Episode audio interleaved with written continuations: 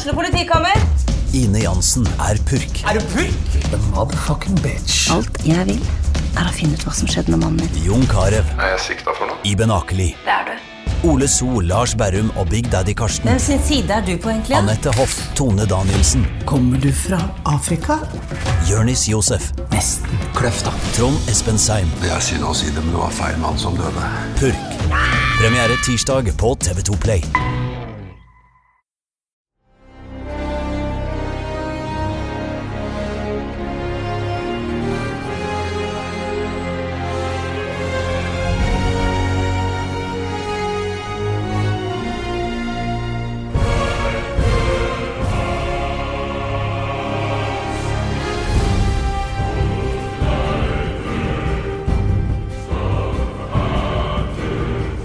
Til tonene av det fantastiske soundtracket til Bear McReary, for et navn, sparker vi i gang vår store spoilercast av God of War. Det er med meg, Rune Fillolsen, med Carl Martin Hogsnes og med Niklas Alvorsen.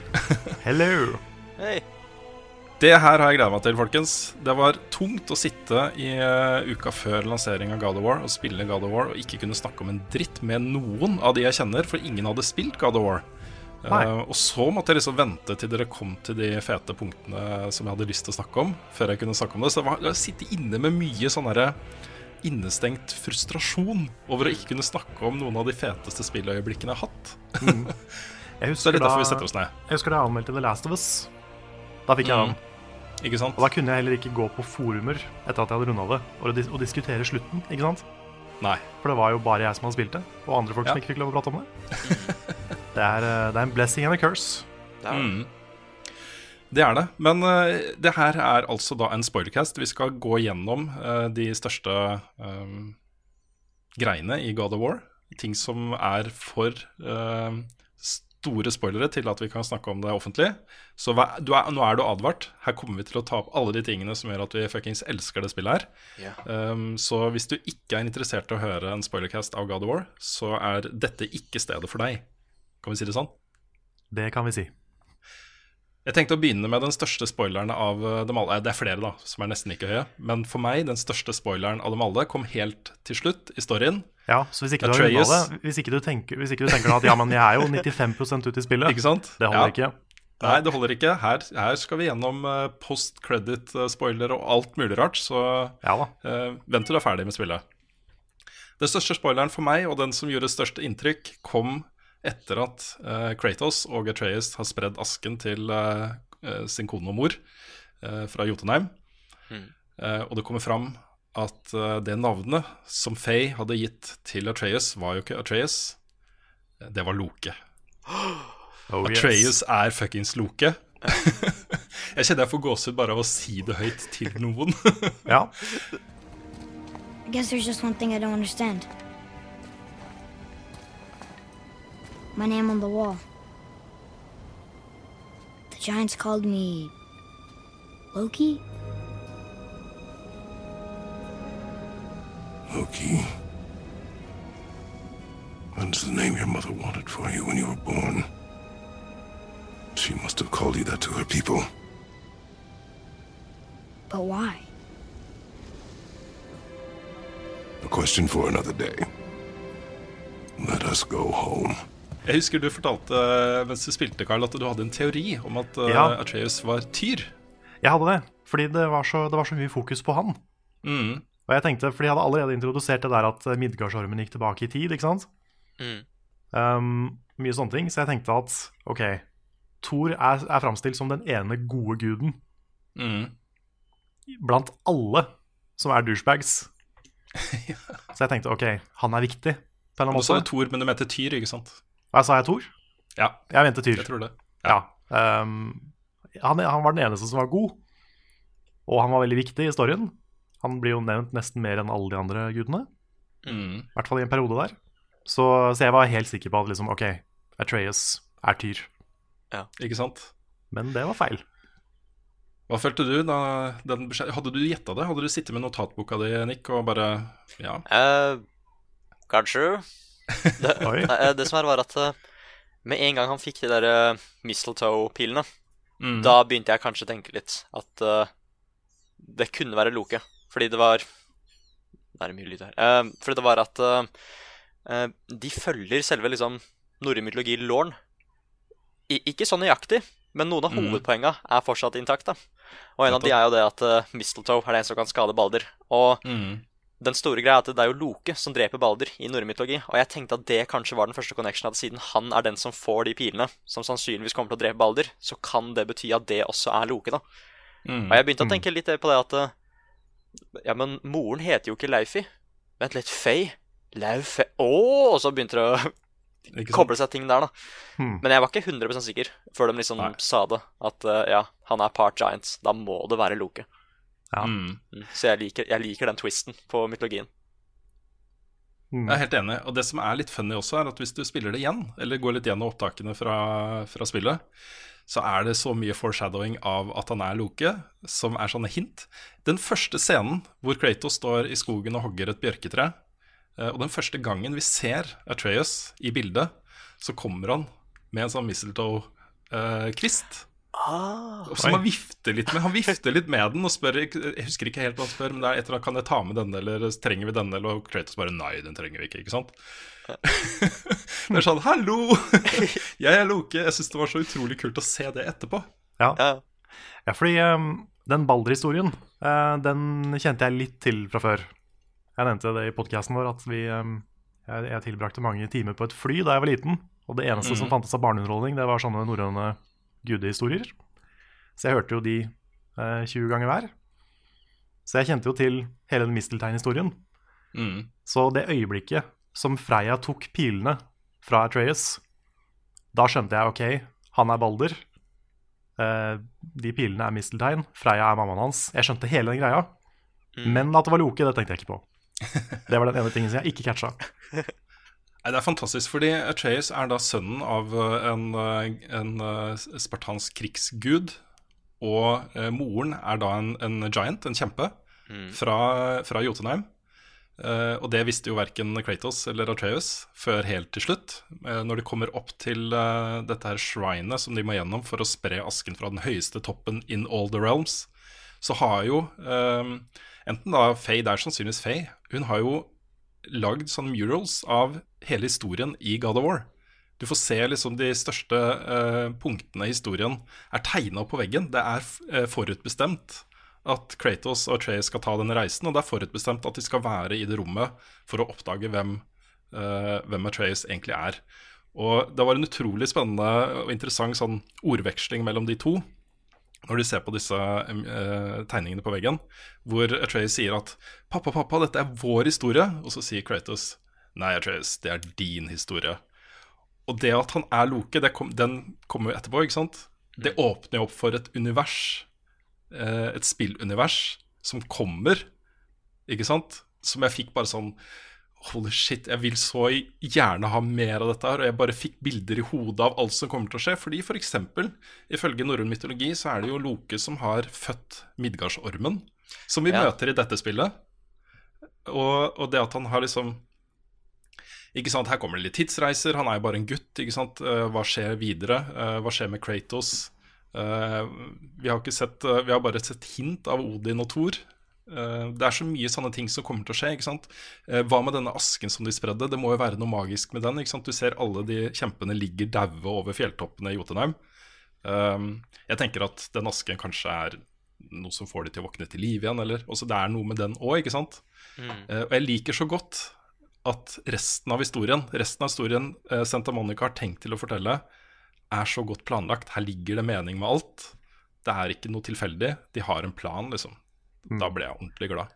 En ting som jeg føler jeg burde catcha, som jeg ikke, som jeg ikke catcha, det er det at Loke blir jo ikke nevnt før Nei. det. Nei, det er Nei, også, de, Mimir har så mange historier. ja, Han forteller om alle gudene, men ikke Mm. om Loke i det hele tatt. nei. Og det burde jeg tenkt på, men det tenkte jeg ikke på. Nei, fram til et visst punkt så, så trodde jo jeg og mange andre at Balder var Loke.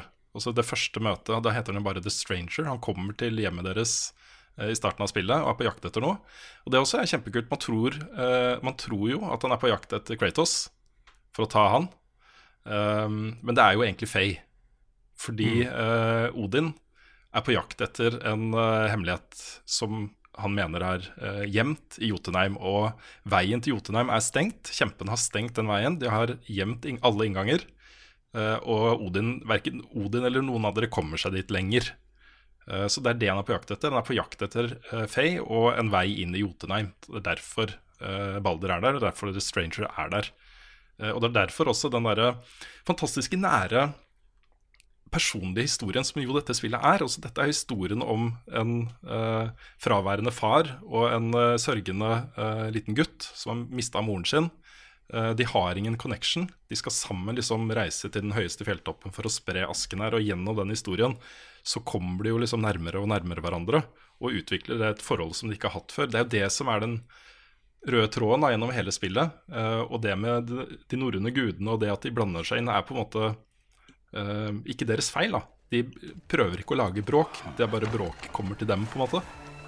I thought you'd be bigger. But you're definitely the one. Long way from home, aren't you? What do you want? Oh, you already know the answer to that. Whatever it is you seek, I do not have it. You should move on. and here I thought your kind was supposed to be so enlightened, so much better than us, so much smarter. And yet you hide out here in the woods like a coward. You do not want this fight. Oh. I'm pretty sure I do. Så det er kult. Nei, men vi har jo uh, egentlig mye å snakke om hvis vi vil, da, uh, gjennom denne historien. Uh, jeg tenkte å starte litt med den der utviklingen av forholdet mellom de to. det er jo f.eks. kjempemorsomt at Kratos kaller han boy hele tiden. Ja. og noen ganger Atreas. Det har jo blitt tidenes internettmeme. Dad of boy. Mm. Ikke sant? Um, helt til slutt så, så kaller han my son. Ja. Helt til slutt. Én gang.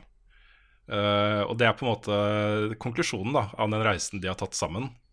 Er at nå er de far og sønn, liksom. De har kommet så uh, nærme hverandre. Uh, og det er også det Corey Barlog har sagt i intervjuer. At ja, han vet det er litt corny at han kaller ham boy hele tiden. At det har blitt en sånn greie. Han skjønner det, liksom. Men det var for å gi det litt mer punch. Mm. Det at han sier liksom 'my son' helt til slutt, da. ja. Jeg syns det var veldig effektivt. Mm. Ja, ikke sant? Ja, jeg reagerte ikke noe negativt på at han kalte den boy. Det var bare, det er bare mer en sånn morsom ting. Ikke sant? Um, det, er, det er flere scener her, enkeltscener, som jeg syns er utrolig sterke i det forholdet mellom de to. Um, den første kommer ganske tidlig, når, uh, når Treus er på jakt med faren sin, og han har endelig klart å uh, eh, drepe denne hjorten som de jakter på. Uh, og du ser også han, han klarer ikke å fullføre jobben, han klarer ikke å stikke kniven inn og drepe den hjorten med bare, bare hendene sine, liksom. Uh, du ser Kratos da eh, holder først hen- hen- hendene sine over uh, hånda og kniven til Atreus, og så lar han han dytte den inn selv. Så ser du Atreus sliter, liksom. Dette er tungt for han og tøft for han, dette har han ikke gjort før. Eh, og så ser du liksom bakfra at Kratos holder ut hånda for å liksom ta han på skulderen og eh, trøste han, og så tar han seg i det. Tar, trekker tilbake hånda. Eh, det var en veldig sterk scene. Um, og så var det en scene når de kommer til, eh, til Alfheim. Det er kanskje min favorittscene i spillet. Eh, De, eh, de møter jo heksen i skogen, som senere viser seg å være eh, Freya. Som tar de med til Alfheim for å gi de muligheten til å reise i Realms. Da trenger de sånn light jeg husker ikke akkurat hva det heter. Det er en sånn lys fra Alfheim som gjør det mulig å lage en sånn uh, nøkkel til å reise mellom realms, Mm. som de må inn og hente. Uh, og det som skjer der, er når de til slutt kommer fram til denne søylen av lys, uh, så har de fått beskjed fra Freya om at de må gå inn i lyset. Det er en sånn force barrier der, så Atreas klarer ikke, så Kratos må gjøre det. Så han skviser seg inn i dette lyset her og havner da i en sånn skyggeverden. Eh, han blir ledsaget av, uh, av uh, Faye, altså kona hans. gjennom hele veien. Den asken som han bærer med seg, den forsvinner fra han, og så blir det sånn lys som han følger gjennom dette mørke skyggestedet. Og så kan han hele tiden høre hva Treyes tenker og, og sier om forholdet sitt til Kratos, til faren sin. He always leaves. He's never here. He doesn't want me, and he never will. Og det er jo sånne ting som at eh, du er jo aldri til stede, og du bryr deg ikke om meg, og Um, Ja, du får virkelig sånn derre hjerte, hjerteskjærende sånn dette, dette er ikke et bra forhold, liksom. Nei. Det, det var utrolig sterkt. Det var Ja. jeg, jeg husker at eh, han sa jeg kunne ønske at det var han som døde isteden. Mm. Og Men han sier jo etter det at han, han mente jo ikke det. Men han, han er bare lei seg, ikke sant. Mm. Mm. Ja, han, det, det kommer fram, han sier liksom han elsker jo faren sin, uh, men at, uh, at han eh, skulle ønske at de hadde et bedre forhold. Og at uh, han må være mer faren hans, da, ikke bare en dude som ikke var der. Mm. Og når da til slutt, endelig, så kommer eh, eh, Kratos ut, dvs. Si han blir dratt ut av dette lyset av Atreas, og er jo rasende, for han, jo, han er jo millimeter fra å få kontakt med Faye, med kona si, ikke sant? Eh, og da er de over den brua som de går når de kommer til Jotunheim i slutten av spillet. Det er det stedet. Um, og han er jo rasende. 'Hvorfor dro du meg ut?' liksom? Hvorfor, uh, hvorfor gjorde du dette her? Han skriker, ikke sant? Og Atreas er jo helt fra seg. For han sier liksom du var, du var borte i evigheter. Jeg trodde du hadde dratt fra meg igjen, liksom. Så ser Kratos rundt seg, og det ligger jo et hav av døde alver der. som Atreas har drept med øksa, som han uh, fikk for å beskytte seg. Så Kratos har vært borte kjempelenge. Sønnen hans har trodd han har forlatt han igjen. Det, var, det var kjempe Det var en tung, tøff scene. Mm. Mm. Det Absolutt. liksom, jeg, jeg likte altså den scenen, eller de samtalene etterpå. Fordi Mm. det er liksom første gang hvor han Atreas faktisk snakker tilbake til faren. Han bare ja, ja, samme av det. Bryr seg litt sånn ikke like mye lenger. Og så liker jeg at eh, gjennom hele den veien fra det lyset til de skal ut av uh, ja, Alfheim, så hører du at Kratos prøver å fikse forholdet, ikke sant?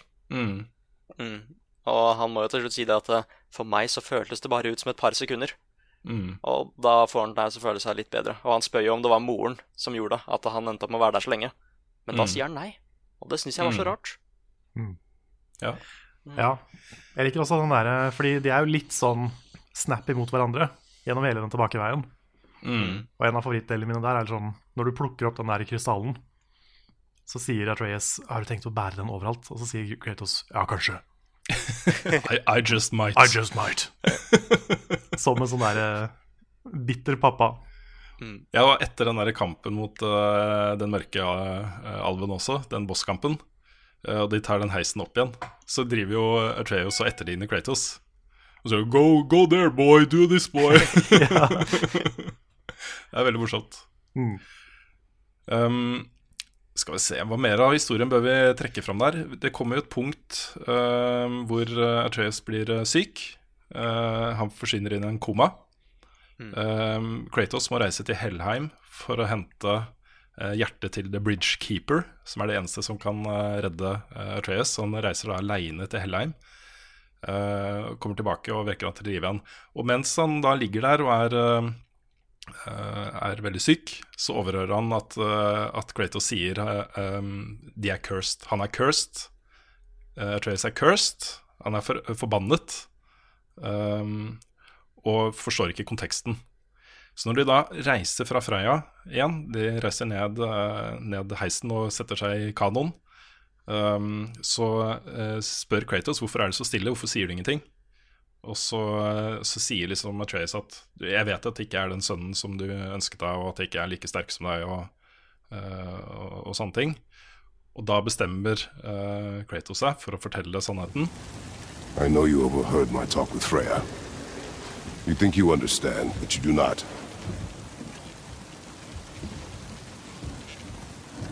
Why do you say nothing? You said I was cursed. You think I'm weak because I'm not like you. I know I was never what you wanted. But after all this, I thought maybe things were different. You do not know everything, boy. No. But at least I know the truth now. The truth. The truth. I am a god, boy. From another land far from here. When I came to these shores, I chose to live as a man. But the truth is, I was born a god. And so were you.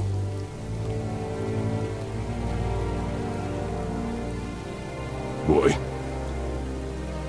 nothing to say? Um. Can I. turn into an animal? Can you turn into an animal? Hans erfaring med guder fra God of War-serien er jo ikke god. Han kjenner jo på en måte ingen gode guder. Det er jo bare kjipe folk, inkludert han selv. Uh, og det ønsker han ikke for sønnen sin. Det er derfor han ikke har fortalt noe. Og det første Atreus spør om, er jo om han kan bli til et dyr. Ikke sant? Det er jo en loketing. Det er en loketing. Absolutt. Det er et annet sånt hint også, fordi, fordi Mibir forteller jo at uh, Midgardsormen, uh, eller Ormen Lange, jeg vet ikke hva vi skal kalle den her Ja, Ormen Lange. Ja. Um, sier at det var noe kjent med Atreus. Og så et sånt lite hint, ikke sant. Så ja, det er morsomt, altså. Men det som skjer der, er at først så blir jo Atreus eh, veldig sånn begeistra. Og han er gud, hva kan han gjøre, liksom? Og han vet jo ikke hva kreftene hans er ennå, vet ikke hva slags gud han er, og, og sånne ting. Eh, men etter hvert så går det jo veldig til hodet på han, og det er en sekvens som er litt sånn splittende, tror jeg, for de som er glad i det spillet her. For den Ja. er ganske kjip. Ja, jeg syns kanskje det skjedde litt for fort. Jeg skjønner hva du mener. Jeg føler de måtte innom det. Ja. Eh, Det var viktig for resten av historien at han hadde følt de tingene og tenkt de tankene og sagt de tingene han hadde gjort, og gjort de tingene han hadde gjort. Men jeg syns den var litt sånn Det må ha vært en utrolig vanskelig sekvens å skrive og få den til å virke bra. Ja, jeg syns, jeg syns både han ble forvandla litt for fort, og at den sekvensen varte kanskje litt for lenge. Mm. Fordi han har det derre litt sånn rebelske whatever-forholdet til Kratos. Og det blir veldig lysbryter, den der med at han plutselig ikke bryr seg om livet til noen andre. Mm. Mm. Og jeg syns den derre Altså, det å gå fra det å ha veldig mye naturlig empati til å ikke ha det i det hele tatt, Mm. den var litt for brå for meg. Selv om, at, selv om han skjønner at han er en annen type skapning, så han har jo liksom Han har jo empati med en hjort han skal jakte på i starten av spillet. Ikke sant? Så det føltes som en litt sånn Litt sånn break for meg. Mm. At den var kanskje litt for uh, Litt for hard. Nei, jeg, jeg tenker at uh, Jeg tenkte veldig mye at han gjorde det fordi han skulle gjøre faren litt stolt, jeg, da. Skal etterligne faren litt. Grann. Ja, kanskje. Ja, det er en sekvens der, for han dreper jo uh, Er det Magni eller Modi? Noel North, yes. Ja. Ja, en av de to sønnene til uh, Thor. Eh, den siste som er igjen. Den andre har jo Kratos drept tidligere i spillet.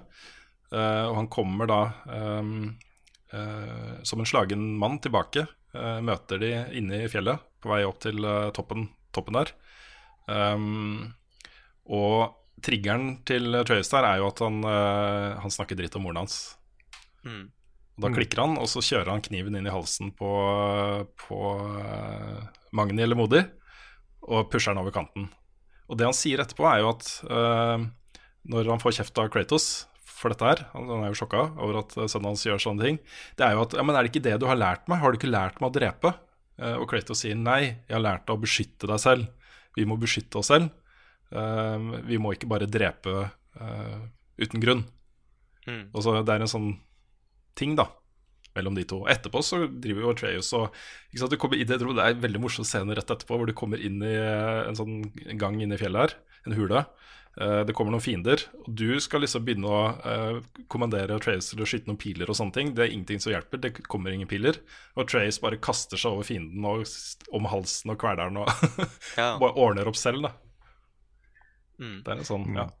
En annen skikkelig kul detalj som var der, var at Atreus pleier å oppdatere den derre bestiarien Er det det? Bestiary? Ja, noe sånt. Ja. Ja, han pleier å oppdatere dem hver gang de slåss mot andre folk og møter på nye bosser og sånn. Men når han Mm. er i den der rebellfasen, så oppdaterer han ikke Han oppdaterer ikke den, da. Nei. Og det det, jeg likte den detaljen veldig godt. Så jeg, jeg prøvde å finne ut om han hadde oppdatert at han drepte Modi, men han gjør ikke det. Han, og han oppdaterer ikke lenger når de møter på nye folk eller Mm. ja, fiender for andre gang og sånn. Og jeg, jeg likte denne talen der veldig godt. Mm. Det er liksom ikke like mye wonder eller noe sånt lenger. Han er bare en Nei. gud, og han kan gjøre hva han Han vil. er, eh, han er for kul for å skrive. Ikke Mm. sant? Too cool for school. Ja. Så det er jo elementer her som eh, altså, Når man får barn, så vil man kjenne igjen så mye av de tingene her. Altså, jeg, jeg har jo ikke opplevd eh, den rebelske tenåringsperioden eh, selv. eh, men det er jo på en måte det du får oppleve her, i en eh, veldig sånn kondensert versjon, da. Eh, som, som er med på å drive plottet videre. Eh, men jeg tenker at det er mange sanne ting. Både den der, eh, det å føle på at man kanskje har litt for mye distanse til barna sine, at man kanskje jobber for mye, at man ikke er for mye Man ikke er hjemme nok, uh, så Det er liksom Det er relaterbart, da, selv om, selv om man er en gresk gud, og selv om Atreas er Loke. Så Mm. jeg syns det er bra jobba, historiemessig. Ja, jeg synes sånn generelt det forholdet mellom Kratos og Atreus er det beste med spillet. Mm. Jeg synes det er, eh, det er gjort veldig, veldig bra. Både fordi Atreus er en bra karakter, Mm. som ikke er så lett å gjøre når du skriver barn. Mm. Så det er veldig imponerende. Eh, I tillegg så syns jeg spillet gjør noe veldig nytt og veldig kult med Kratos. Mm. Mm. At han går fra å være den der rage-maskinen til å bli Altså han blir konfrontert med ting der hvor ikke det funker, ikke sant? Mm. Og han må bli noe mer. Ja. Og du ser hele spillet at han sliter med det.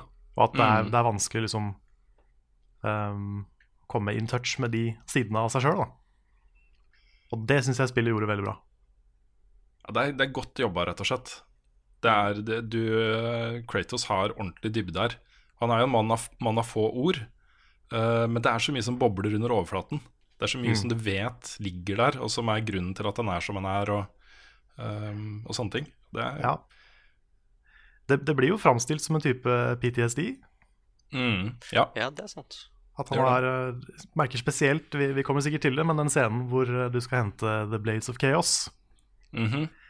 det er jo en av de kanskje mest, eh, mest kjente scenene i spillet. ja, etter at man har spilt det, i hvert fall. Ja, Mm, det, det er jo den delen alle husker. Ja. Men der er sånn fordi det er jo et sånt stort øyeblikk for Kanskje spesielt for fans av serien. Mm, For du får tilbake de gamle våpna, ikke sant. Det er sånn yes! Endelig. Men i spillet så blir det framstilt som noe ganske sånn trist mm, og litt vondt. ja.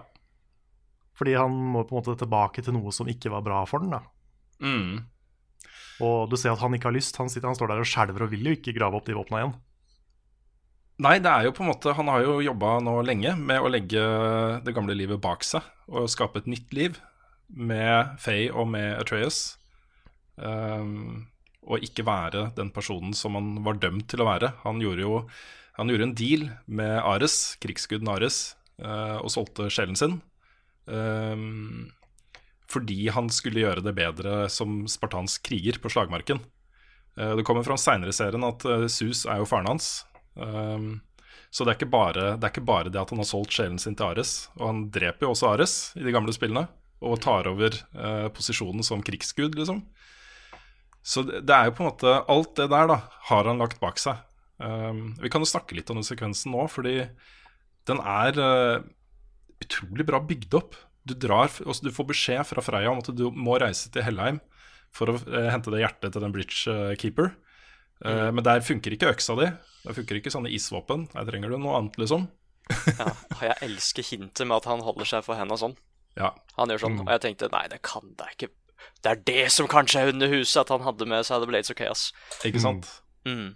Så er det en lang sekvens. Han sitter bare i kanoen til Freya og eh, eh, kjører uten å padle selv tilbake til brygga nede for huset sitt. Mm. Eh, det er skikkelig dårlig vær, og så fargene endrer seg. Alt endrer seg. Det er veldig sånn Han sier ingenting. Nærbilder av ansiktet. Du bare ser det skjer ting bak øynene hans, liksom. Um, plutselig så er jo uh, Athena der, som jo også er en veldig sentral rollefigur fra de gamle spillene. Og eh, fortiden hans kommer tilbake. Han blir innhenta av fortiden. Han må inn da i kjelleren der og hente uh, Blades of Chaos. Eh, og når han skal ut da fra huset, så står jo Athena der og sier uh, mye, men hun avslutter med å si uh, sannheten er at you will always be a monster. I know. But I am your monster no longer. Da går han gjennom Athena, og der er, er det da en gjeng med sånne type fiender som du møter i Hellheim. Eh, som eh, Blades of Chaos er eh, ekstra effektiv mot. Det er jo en sånn der pervers blanding av Nå er jeg ganske trist, men holy shit, det her er fett. det, var, det var stort, altså. Det var det. Det er et helt annet moveset. Mm. Og det, mer, et, et av de kuleste øyeblikkene i spillet var at jeg trodde at Blades of Chaos skulle være litt sånn som Blade of Olympus var i God of War 3. da At Mm. når, du- når du aktiverer Spartan Rage, så tar du fram et våpen som er egna for det moduset, så du kan ikke bruke det hele tiden. Ja. Men når jeg ser at det, det har et helt nytt skillsystem rundt seg Du kan levele opp Blades of Chaos akkurat som det var etter en axe, og lære komboer og sånn. Det var kult, altså. Ja, det, det er jo Du tenker at det kanskje Ok, nå nærmer spillet seg slutten. Uh, Du Mm. får bruke det litt mot uh, liksom siste, siste sjettedel, sjuendedel av spillet. Uh, eller at det er et sånt rage-våpen. Så er det Det har langt skill-tre. Du må oppgradere Ja. det ganske mye. Mm. Eh, det er fett, altså. Det, det var dritkult. Og så er det mange av animasjonene her fra de andre spillene òg. Mm. Akkurat de samme animasjonene, bare med det nye kameraet. Det Jeg syns det var veldig kult. Det er ikke helt de samme liksom, måten du skal trykke på komboen og sånn, men animasjonene er like. Mm. Ja, det er helt sant. Jeg må allikevel innrømme også, Vi hadde jo en sånn kåring av tidenes beste spillvåpen eh, i podkasten for en stund siden. Og da var jo Blades of Chaos var på din førsteplass, eh, Nick. Mhm. Eh, jeg syns det er litt fett, ja, at de her nå har klart å lage to av de mest ikoniske og kuleste spillvåpnene noen gang. Fordi Leviathan Axe Jeg foretrakk fortsatt den jeg, etter at jeg fikk eh, Blades of Chaos også. Jeg synes Det var altså det å komme litt tettere på, det å bruke den øksa, jeg syns det var eh, hakket hakket kulere, faktisk. Mm. Jeg vet ikke åssen det var med dere, men jeg eh, ble jo litt sånn revet med i den storyen. Og siden Blades of Chaos var et sånt symbol på alt det gamle og vonde og fæle, så gjorde det at jeg brukte øksa mer, siden det var en sånn der, det kom fra Faye, ikke sant? Det var en sånn mer positiv, ny begynnelse-type ting. Mm. Sånn, ja. ja, ja. Så jeg, for meg så påvirka det gameplayet. Jeg valgte å bruke øksa mer fordi det føltes som en mer sånn positiv utvikling. da. Mm. Det er kult. Ja, det er et godt poeng. Det er jo et, et hva skal man si, et um, mer interessant poeng enn bare jeg syns det var fetere å bruke øksa. Ja, men det er sånn jeg tenker litt over det. Fordi eh, jeg syns jo Blitz of Chaos var kule. Mm. Men det føltes liksom bare tristere å bruke de. Ja. Mm. Det som, eh, det som jeg syns eh, Også der jeg foretrakk Blaze of Chaos, det var jo i uh, Runic Powers.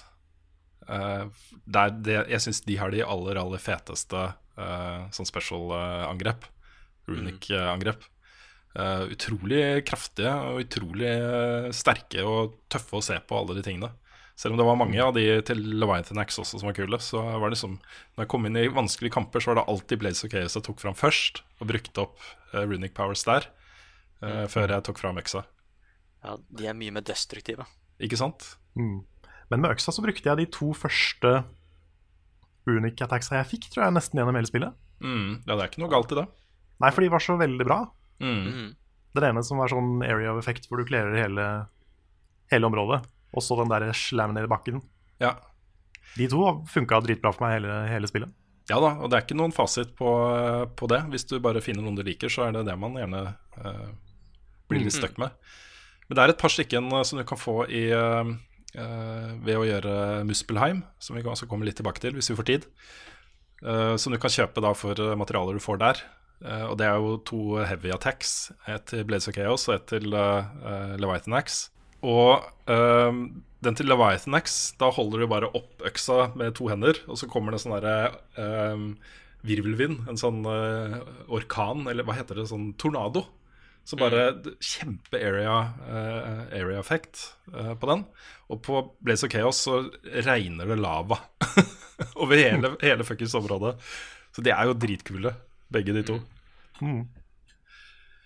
Um, ja, Jeg tror vi må gå litt, litt mer gjennom storyen også, bare at vi får tatt de viktigste tingene der. Um, du eh, dreper jo da som sagt både Modi og Magni, sønnene til Thor. Uh, du møter jo eh, Balder flere ganger. Um, og det er også siste, siste kampen i spillet, også den, i historien i spillet, historiedelen, er jo at du må eh, nedkjempe Balder. Hvor eh, han blir jo da plutselig dødelig etter at han slår uh, Atreas Atreus på brystet, og der er det jo misteltein-tingen som faren hans har satt for å sette på plass den reimen til, til uh, pilkorgen hans. Mm. Så han får den gjennom hånda og blir dødelig. Eh, oppe på siden så står jo moren hans, Freya, og er bekymra, ikke sant? Uh, men det ender jo da med at, uh, at Atreus sier til Kratos at han må spare han. Han er slått. han kommer ikke til å skade oss mer. Han, han kan ikke gjøre oss noe vondt lenger. Du må spare han. Og Kratos gjør det. Så gir da Freya Balder muligheten til å forsones, eller til å ta livet hennes, hvis det er det han ønsker. Og Balder velger det siste. Han legger hendene om halsen til Freya eh, og begynner å kvele henne. Eh, Kratos avbryter og knekker nakken hans. Mm. Det er også en sånn utrolig flott og sterk og rørende og tung scene, fordi forholdet mellom eh, Freya og Balder er jo på en måte en litt sånn speiling av forholdet mellom Kratos og Atreus. Og så dette her, hva som kan gå galt da, i et sånt forhold hvor man er guder og har disse kreftene man har, og uh, Mm. alle disse tingene. Og Balder har jo um, forbann Forbannelsen eller, eller forhekselsen som Freya satt på han, var jo at han var udødelig uh, for alt. Eh, bortsett fra da misteltein, som da i norrøn mytologi var den eneste arten som eh, ikke ville love at den ikke skulle skade uh, Balder. Og Freya syntes ikke det var viktig nok til å bry seg om, så det var greit. Um, men hun gjorde det fordi hun ikke ville at det skulle skje noe fælt med sønnen sin. ikke sant? Hun var så glad i han at det ville hun ikke. Uh, konsekvensen var jo at han ikke føler noe. Han føler jo ingenting. Han går jo bare rundt som en sånn levende død uten noe glede eller sorg eller smerte eller eh, kjærlighet eller noen ting. Han er jo sånn tomt skall. Eh, og når, uh, når det mistetegn bryter den forbannelsen, så er jo det det beste øyeblikket han har hatt de siste 100 årene. Ikke sant? Det er over 100 år han har gått rundt i verden som sann. Um, og han kan si som 'jeg kan føle alt'. Og For det første så er jo Balder en utrolig interessant og bra rollefigur. Godt skrevet, eh, god dialog og veldig veldig bra stemmeskuespill. Også det, er en, det at en boss, en skurk, i en, et spill er så godt laga, er eh, Det hever jo spillet. Det løfter jo spillet. Mm.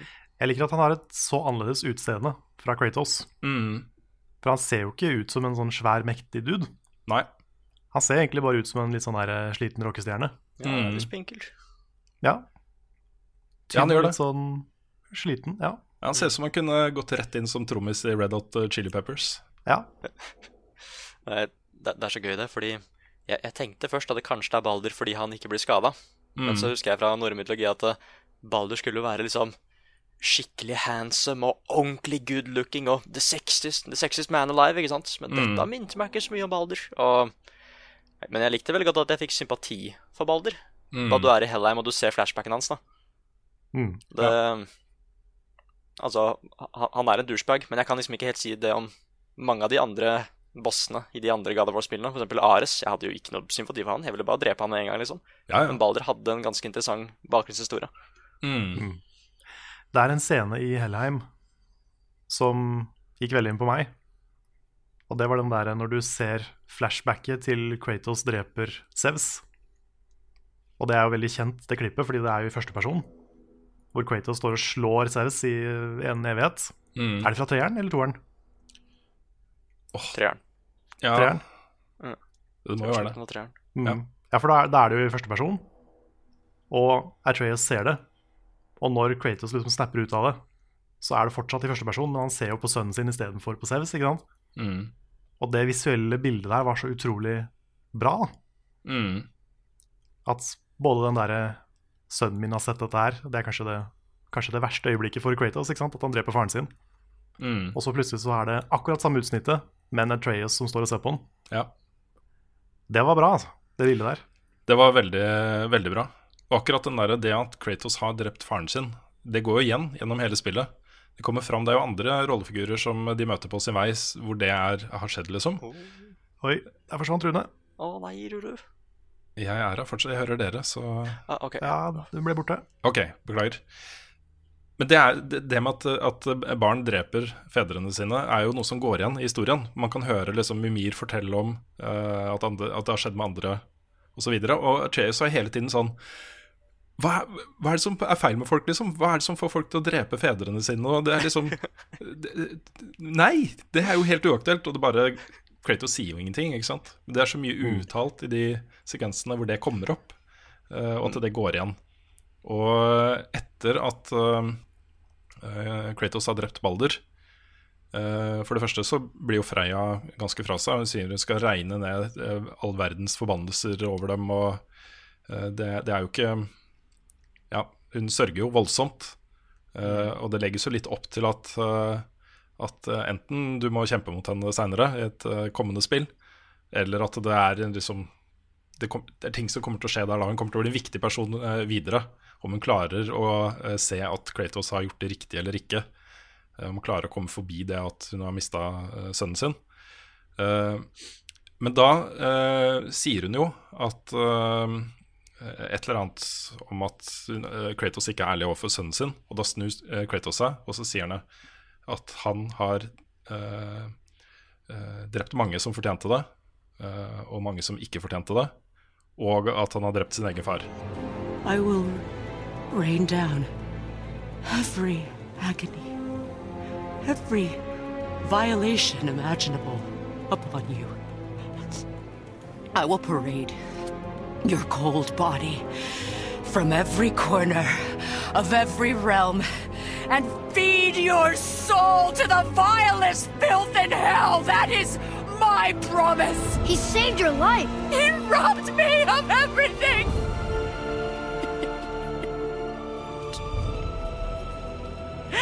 everything.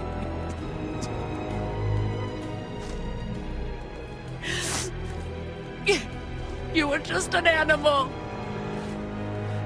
Passing on your cruelty and rage, you will never change. And you do not know me. I know enough. Does he?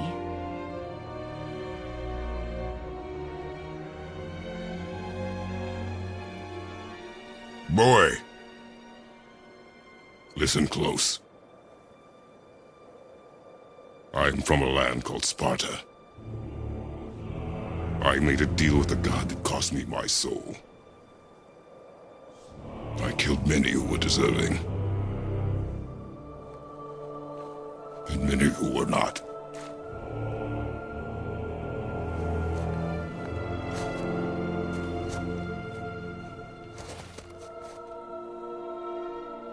I killed my father.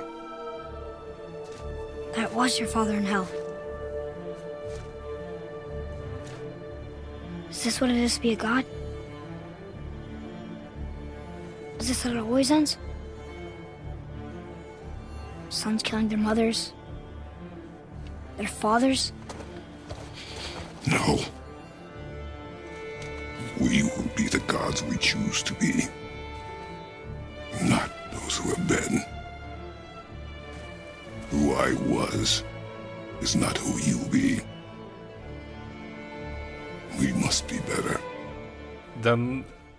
Illusjonen som brister da, for Atreus om at faren hans kan ha gjort noe sånt, eh, samtidig som de gjennom spillet har kommet så nærme hverandre, og han føler at han har et nærere og bedre forhold til faren sin noen gang. Og alle de eh, livsvisdommene som Kratos har gitt gjennom hele spillet, f.eks. Eh, eh, Do not expect.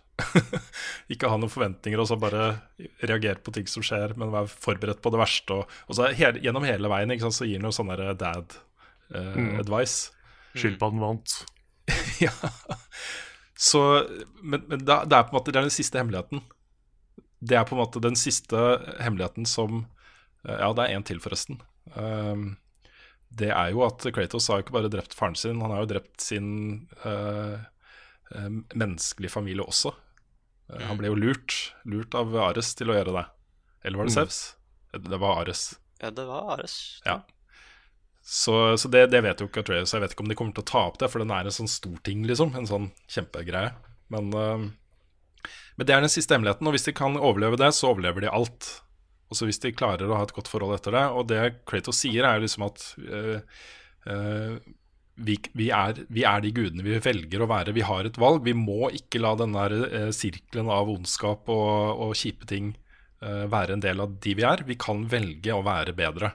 Vi kan velge å være en eh, god kraft istedenfor en ond kraft i verden. Eh, og det er sånn, ja Bra greier. Ja. Jeg har jo litt sånn tanker om hva jeg håper skjer framover, da. Mm. Fordi um, jeg håper jo litt at de ikke setter Atreas og Kratos så mye mot hverandre. For jeg føler det spillet her handla om noe nytt. Mm. Og hvis det blir en kjempekonflikt mellom Kratos og Atreas, så føles det kanskje mer som et skritt tilbake igjen, for min del. Mm. Ja, sånn. At kanskje Altså at ikke, ikke at det skal være helt fritt for problemer, men at i hvert fall la de på en måte ha en greie, da. Så jeg er veldig usikker på, på Freya. For Mimir sier jo litt sånn casually She'll come round. Men uh, jeg håper også henne blir, at hun blir mer en sånn Kanskje type antihelt. Mm. Det føles litt predictable hvis liksom Kratos og Atreas blir fiender og Freya blir slem og liksom alle de tinga der. Mm. Jeg håper de overrasker oss litt der. Ja, jeg tror ikke hun kommer til å bli slem. Nei, jeg, Jeg tror håper ikke det. antihelt er mer riktig. Ja. Mm. Jeg tror vi skal innom det. Jeg tror, vi, jeg tror vi må kjempe mot henne. Jeg tror det blir en bosskamp, kanskje en av de første i det neste spillet. Uh, og jeg tror vi må gjennom en del sanne ting før hun blir en alliert. da. Eh, det kommer fram også seinere, fordi det er jo eh, post credit-innhold her. Eller du kan ta det eh, før credit også, hvis du vil. Eh, da skal du være god. Det er litt grinding. Du må opp i, opp i level for, å, for at det skal gå lett. da. Eh, men det kommer fram at eh, Freya er dronningen av uh, valkyrjene. Mm. Eh, og at hun nå, eh, etter at Kratos har drept Balder, sønnen hennes, så reiser hun rundt og prøver å finne vingene sine. Mm.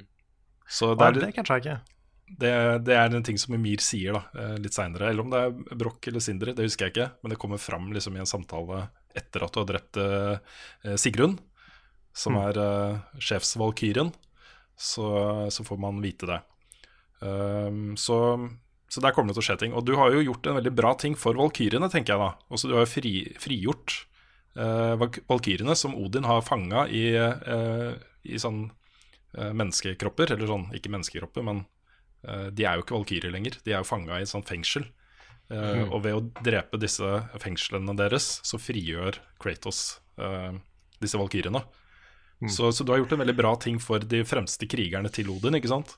Så jeg tenker Jeg syns de, de scenene er litt sånn corny. Fordi du, du slåss jo mot de, Mm. Og så river du av de vingene og bare stabber de med vingene, og, liksom bare, og så kommer de opp og så 'tusen takk'. Freedom! Det er litt rart. Ja, vet du hva, Det er den ene tingen som jeg skulle ønske det hadde tatt seg bedre tid til. Å skaffe bedre stemmeskuespillere til valkyrene, fordi de er så dårlige, og de tingene de sier, er så banale.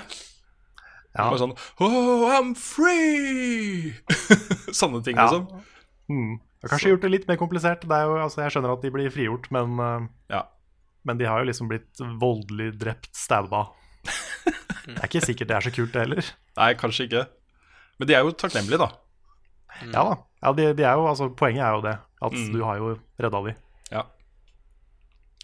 Det er jo en eh, Det er jo sånn når du er ferdig, når du har spredd asken og, eh, og sånt, så er det på en måte det, den ene post credit-tingen som føles litt som endgame-ting. Fordi Sigrun er den tøffeste bossen i spillet. Ja, det var vanskelig, ass. Ja, det er megavanskelig. Og du er vant til da bosser som har eh, sånn, jeg tror det er fem eller seks sånne stages i eh, helsebaren sin. Og hun har liksom 20 eller Det er, så, det er ikke, Snakk om hvor mange det er, liksom. Den fighten, altså. Mm. Det er helt jeg, krise. Jeg tror jeg prøvde flere ganger på henne enn jeg har prøvd noen Dark Souls-boss Mm. Oi.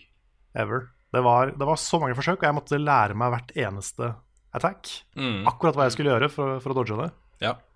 Bygge opp rage, bruke rage på riktig tidspunkt. Mm. Bare, det, det krevde alt, altså. Og jeg hadde ett slag igjen, tror jeg, før jeg hadde dødd. Ja, nettopp. Da jeg klarte det. Ja, det er ja. Du tok det vel på første forsøk, Nick? Jeg tok det ikke på første forsøk. det, det, det som irriterer meg, er at hun kunne Ja, hun kunne Hun hadde et angrep som gjorde at den derre Resurrection Stone du kan bruke, at den ikke fungerte. Mm. Hadde du det? Ja, ja, Ja. fordi hun, hun kan Jeg holdt på å si, hun, hun kan tråkke på Kratos og drive og stampe på, på den, ikke sant? Ja, men og hvis du da fikk dør jeg av bruke Resurrection sånn. Ikke jeg heller. Jeg fikk ikke brukt den. Gjorde du ikke det? Jeg lurer på om det er kanskje patcha inn seinere eller noe sånt. Ja, kanskje det er patcha det inn. Ja, kanskje. Ja, fordi Fordi Atreus det rekker ikke å komme seg til Kratos, ikke sant? Mm. Mm. Nei, men jeg eh, Jeg tror jeg Fjerde forsøk, kanskje? Fjerde eller femte? Den jeg sleit mest med av de valkyrene, var eh, hun der som kunne gjøre skjermen sort. For det tok ganske lang tid før jeg fant ut at du kunne stanse det angrepet med Atreus. Ja, nettopp. Mm. Fordi den siste valkyrebossen er jo egentlig bare en sånn blanding av alle de andre, ikke sant? Alle Mm. de andre attacksa. Så hvis man bare Jeg, jeg, hadde, jeg huska det, og, og jeg Det var så veldig mye det at jeg tok alle rett etter hverandre. Det var litt sånn kort mellomrom på hva jeg tok bossen, da. Så jeg huska Mm. veldig mange av de angrepene. Ja. Mm. Ja, det er, det er også det første møtet med de valkyrjene er jo ment å komme før du er egentlig sterk nok til å ta dem. Uh, du får jo den derre chisel, altså den eh, meiselen, som gjør at du kan åpne disse skjulte, altså disse lukkede dørene, de uh, Ja, jeg husker ikke hva det heter. Hidden Hidden area Et eller annet. Sånne grå ting. For du må ta eh, meiselen over, og så slå, og så åpner du det, og så kan du gå inn. Og Odinshvelv, ja. ja. ja, Ja, hidden, hidden Chambers, er ikke det? Hidden ja, Chamber of Odin. Od- Odins, Odins Hidden Chamber. Wall Chamber, ja. Ja, et eller annet. Ja. Eh, du tar en sånn treheis ned som går kjempesakte sakte, sakte ned, og så kommer du ned, og så ser du der er en åpning, og der er det, er det noe. Så kommer du inn, og første gangen så, så er jo det et storysekvens. Hvor eh, du ikke kan sprinte, liksom. Og Mimir snakker, og du snakker, og eh, også Kratos snakker, og Treus snakker, og det snakker om Valkyrien og alt det der. Uh, og du får beskjed da fra Mimir om at, uh, om at hvis du skal kjempe mot henne, så må du være godt forberedt, liksom. Uh, jeg tror de fleste velger å ta den kampen. Prøve, i hvert fall. Og jeg tror de fleste også feiler, for da er man kanskje level 3-4. Uh, hvis jeg ikke husker helt feil, da. Når du kommer dit. Og jeg, sjans, jeg var sjanseløs, i hvert fall. På den første Valkyrien. Den første som man kunne ta. Ja, den første tok jeg, Ok, men det var, men det var nok med både Double Rage og Resurrection ja, nettopp. Stone. Mm. Uh, men det, det var litt sånn jeg tok mange av de litt enklere valkyriene. Mm. At jeg gikk inn der med full rage bar og bare Og sånn der eh, berserk Resurrection Stone. Nettopp. Ja. Så fikk jeg dobbel runde med rage, og da tok jeg jo halvparten av livet deres. Så det var jo en uh, å, Hva er det det heter igjen? Skal vi se, nå skal jeg bare bla litt i eh, En eh, eh, De har forresten begynt å bore i veien her ute, så det blir sikkert litt grann bråk. Så beklager det. Ja, nettopp. Det er mye, mye boring rundt her. Ja, Det var en sånn talisman eh, som man fikk, kunne få ganske tidlig eh, i spillet. Som når du brukte den, og så tok eh, L1 pluss runding, så recharga du alle runic powers. Eh, og Det gjorde at man kunne gå inn i en sånn fight, og så hadde man full rage. Og så hadde man fire runic powers, og så fire til etter at man tok den. ikke sant? Så du hadde åtte runic-angrep pluss rage pluss res resurrection stone. Da, da skulle det kunne gå det aller meste egentlig i det spillet. Men ja. ja. Det tok litt tid før jeg bytta ut den, altså, med uh, det som er den feteste talisman eh, i spillet. Shattered, Shattered Gauntlet of Ages. Har dere eksperimentert med den, eller? Ja, Jeg har ikke Ja, ja. sett den, men uh, Thanos Mm. nettopp. Nei, den får du jo på et uh, valgfritt sideoppdrag som heter Family Business. Uh, det er jo det oppdragene du får av Brock og Sindri. Uh, så ender du opp med The Shattered eh, Gauntlet of Ages. Og det er jo, det er jo Thanos sin gauntlet, liksom. Eh, Det står det at eh, den er så kraftig at, eh, at eh, den er eh, blitt spredd eh, in all the realms. Så du kan da finne eh, sånne eh, eh, enchantments rundt omkring, som er de du skal bruke med den. Det er, jeg tror det er seks av dem, og hvis du bruker tre av dem, så får du eh, Thanos sin gauntlet. Og den skyter ut en sånn, to sånne utrolig mektige eh, stråler mot dit du, dit du sikter, og så kommer det en sånn derre kaching-lyd. Sånn derre ding, ding, ding, ding, ding. det er helt fantastisk.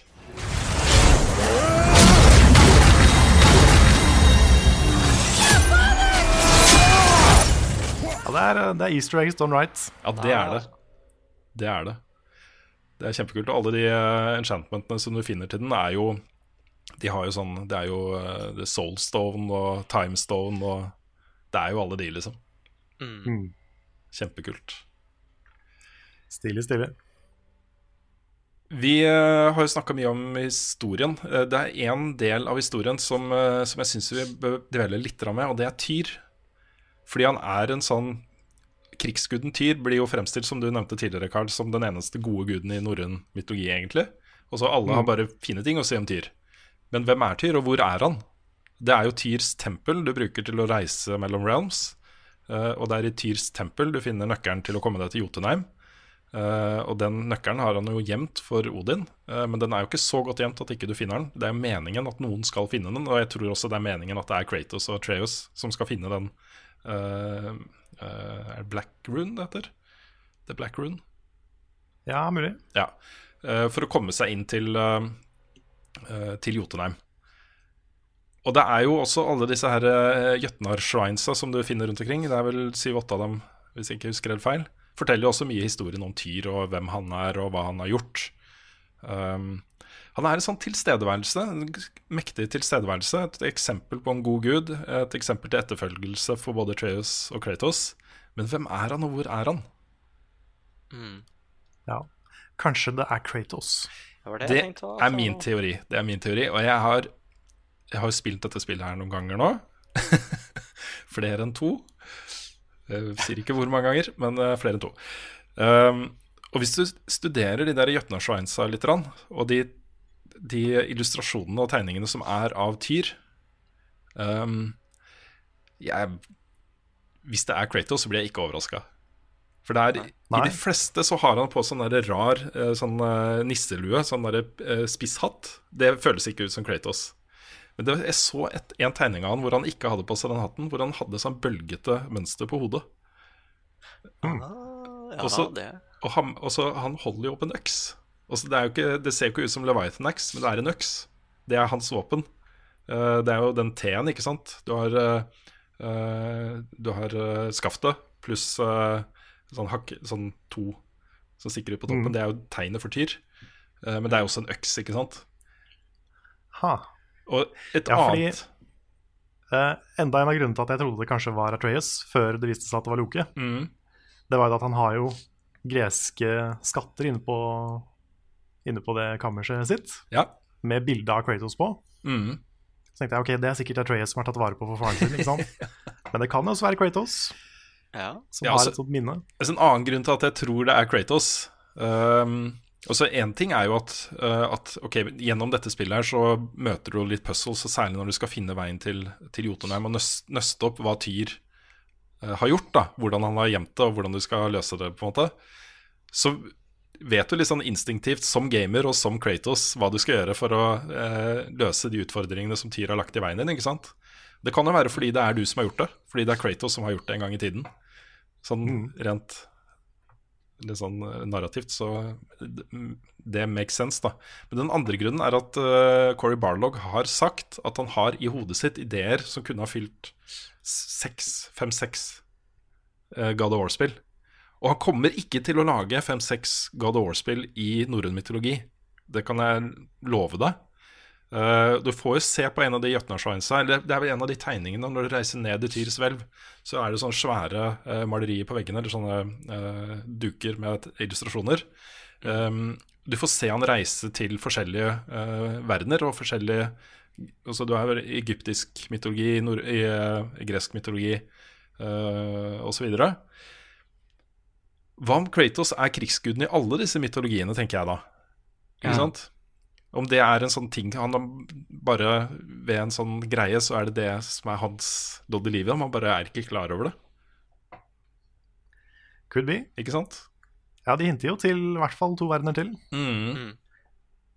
Ja, Det har vært en sånn der teori lenge, at uh, i God of War 2 så kan du finne bilder som ser ut som de tre vise menn ikke sant, som skal til Jesusbarnet. Og det er veldig mange teorier at hva hvis det her er tre forskjellige Kratoser da, fra forskjellige Mm. mytologier? Eller at det bare er den samme karakteren, ved at han har vært innafor de tre andre mytologiene. Nettopp. Og det jeg tenker er at hvis Kratos mister hånda si i, spill, i neste spillet, mm. da må det være Tyr. Fordi en ting som jeg ble veldig skuffa over i God for, er at jeg hadde lyst til å slåss mot Fenris, jeg, da. Ja, nettopp. Ja, jeg venta på sånn skikkelig Fenris-fights, og den store tingen er at eh, Fenris biter jo av hånda til eh, Tyr.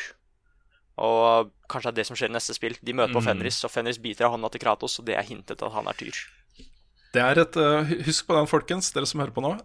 det skal i hvert fall jeg ha i bakhodet.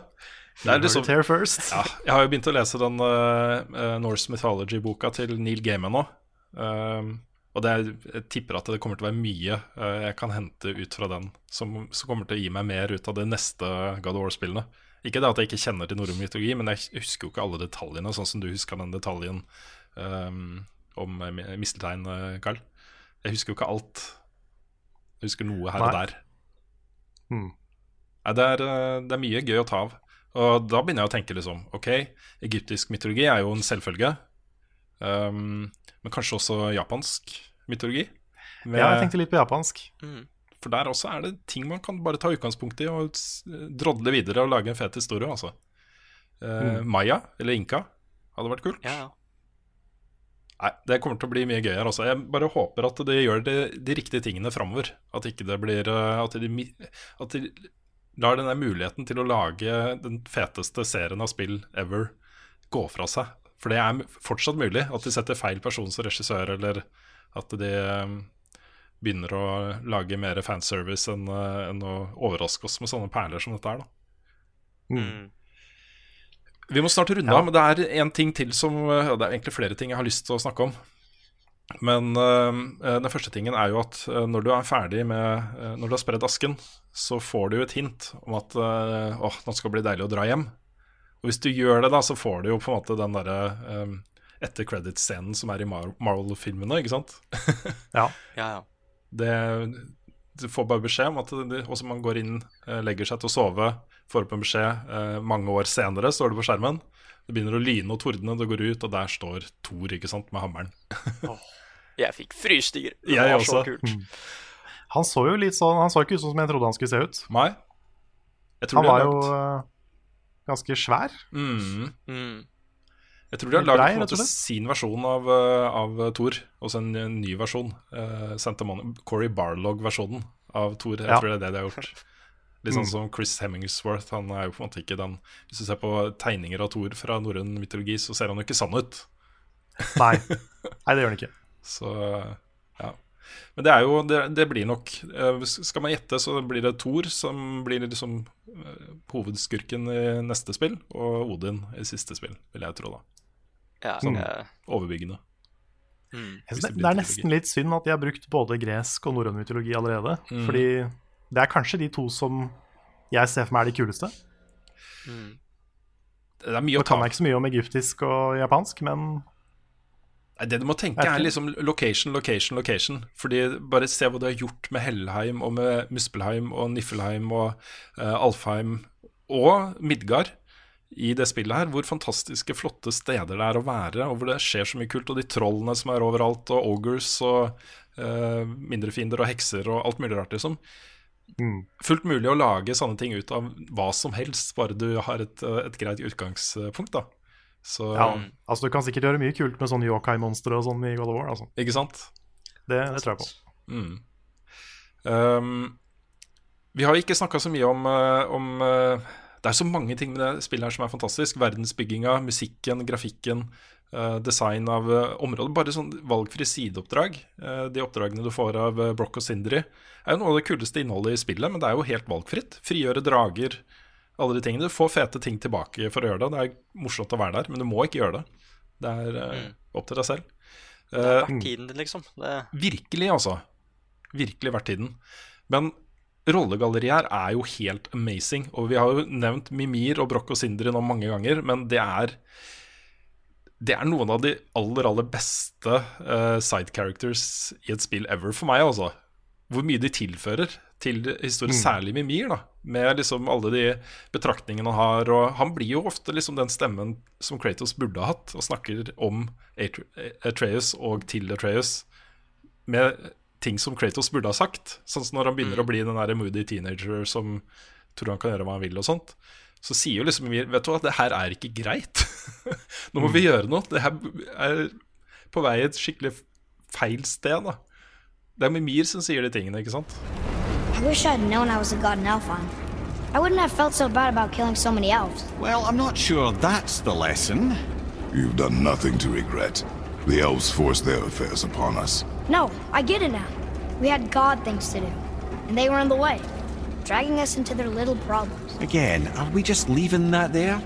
I mean, just knowing we're gods makes me feel so much stronger. Maybe you feel a little too good right now. With power comes a big choice, lad. You can either serve yourself or put your godhood in the service of others, like Tyr did. Jeg likte Mimir veldig godt. Jeg likte også Broch og Sindri. Eh, jeg synes den historien deres var litt sånn Den var nesten litt for søt for et God of War-spill. På en måte. Ja. Det at de er liksom to brødre som, eh, som Eller er de brødre, eller er de venner? De er brødre. Er brødre. Han ene, han som- ene er blå, han andre er jo ikke det. Han Broch, som har blitt blå, han er blitt blå fordi han eh, har ikke noe problem med å få hendene sine skitne og bare behandle alle disse materialene som de eh, bruker da for å lage disse fantastiske våpnene og rustningene. ikke sant? Mm. Mens Sindri han eh, vil jo ikke ta i ting. Nei. Nei, det er morsomt. Jeg liker veldig godt eh, spesielt Sindri, Ja. som har den der eh, litt sånn redd for basiller-greia si. Mm. Den er veldig morsom. Men, eh, nei, men den der at de liksom er to brødre som har gått fra hverandre, og så blir de venner igjen, Mm. den er jo den er jo veldig sånn søt og koselig. Eh, jeg forventa ikke å se en sånn historie i God of War. Hey guys, question for you. Anyone know where we can find Mimir's other eye? Oh. That's. I'm sorry. As a matter of fact, Odin asked me to. He wanted me to build a. He showed it to me, you see, and I. Declined. Sorry. Will you excuse me? Well, that was useless. You know, it was about that same time that Odin came around looking for me to build a statue with some sort of hidden compartment. Now, that not being a weapon and the Aesir being a bunch of pock-speckled cockers, I too saw fit to decline. But I know we got it built just the same. What was the statue? Ah, it's that one of Thor out there flashing his sack to the lake. The statue that the serpent ate. Sorry about that. Feeling much better. How are we supposed to look inside the snake? Inside? Oh no!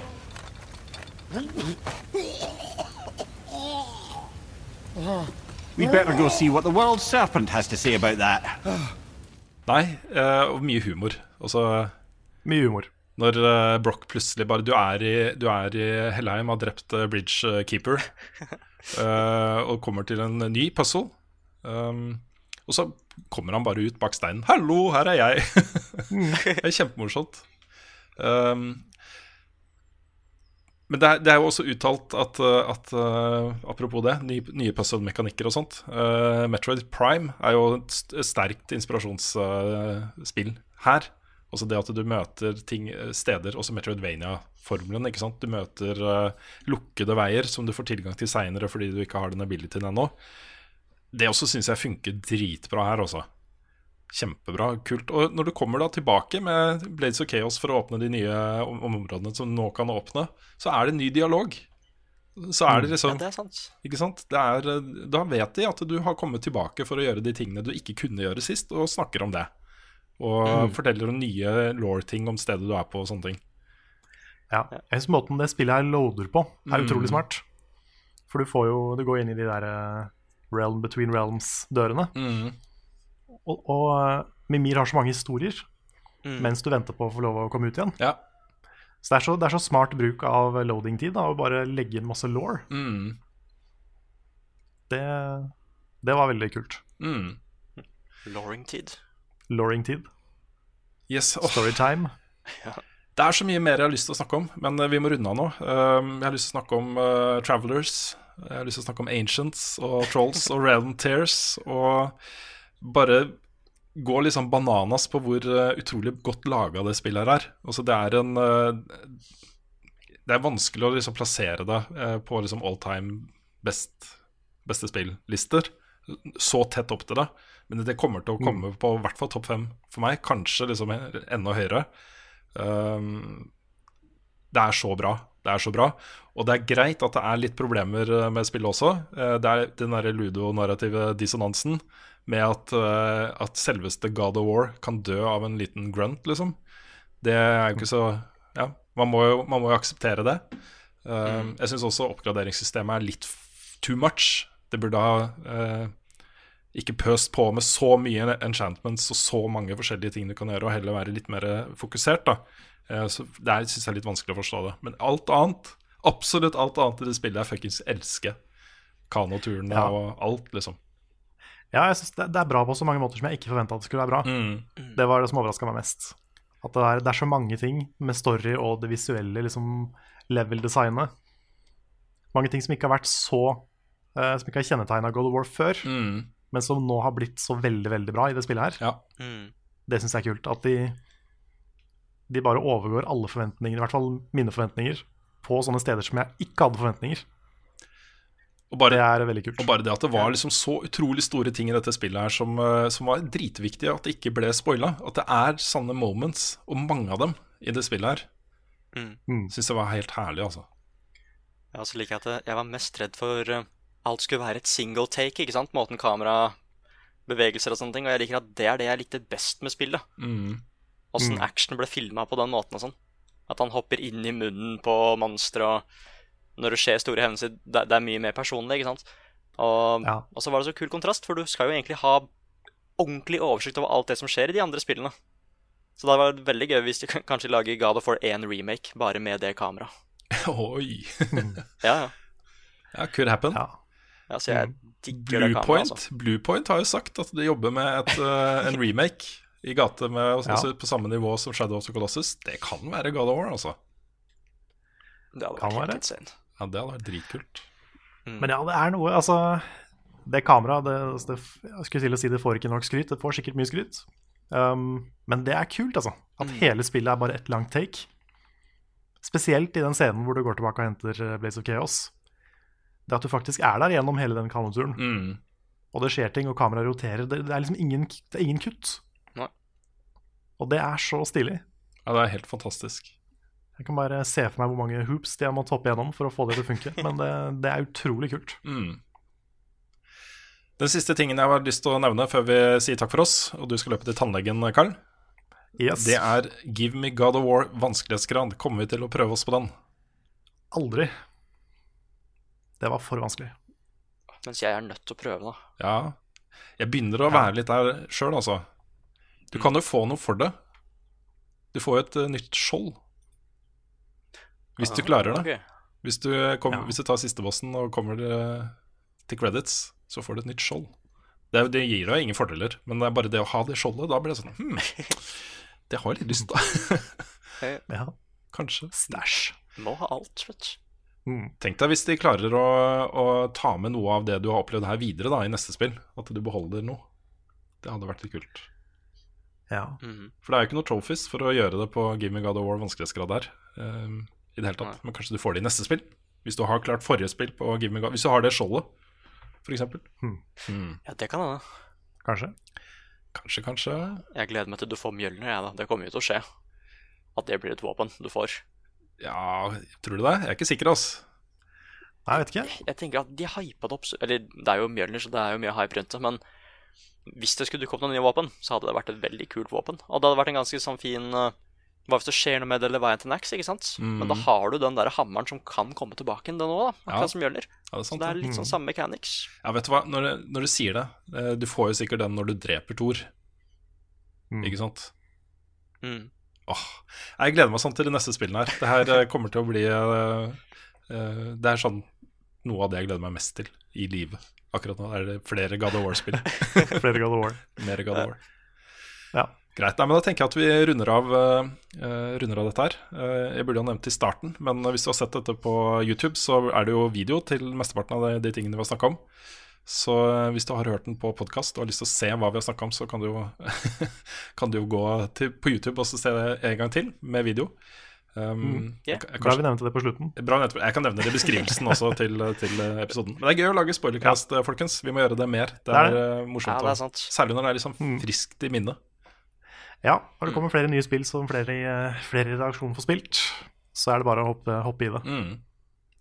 Greit. Nei, men Da takker vi for oss uh, for denne gang. Og så blir det jo selvfølgelig vanlige podkaster også fremover. Dette er jo unntakstilfeller. Uh, men uh, mm -hmm. hvis du da um, har hørt denne podkasten, så regner vi med at du er like glad i God of War som det vi er. Og så blir det spennende å se hvor det havner på Game of the Year-kåringer til høsten. Det kommer jo et par andre spill til høsten som, som folk gleder seg til. Jeg har en mistanke om at ingenting kommer til å overgå God of War for min del. Men uh, Nei, Det ligger nok an til å bli mitt uh, Game of the Year foreløpig også. Altså. Mm. Ja, Den eneste som har muligheten, er Red Dead eller Spiderman, tenker jeg. Ja, det er nok det. Det er nok ja, det, altså. Jeg har jo Dino Cooney og Monster Hunter ganske, ganske rett under, mm. men uh, tror God of War er på toppen, altså. Mm. Og med det så sier vi takk for oss, og så høres vi. Atreas, are you ready? Yeah, but I had the weirdest dream. Fimbulwinter was ending, and Thor came for us. here at the house. It was only a dream. But it felt different. It felt real. It felt like the future. Then we will worry about it tomorrow. Today, there are still things we can do. Come. Har du et enkeltpersonforetak eller en liten bedrift? Da er du sikkert lei av å høre meg snakke om hvor enkelt det er med kvitteringer og bilag i fiken, så vi eh, gir oss her, vi. Fordi vi liker enkelt. Fiken superenkelt regnskap.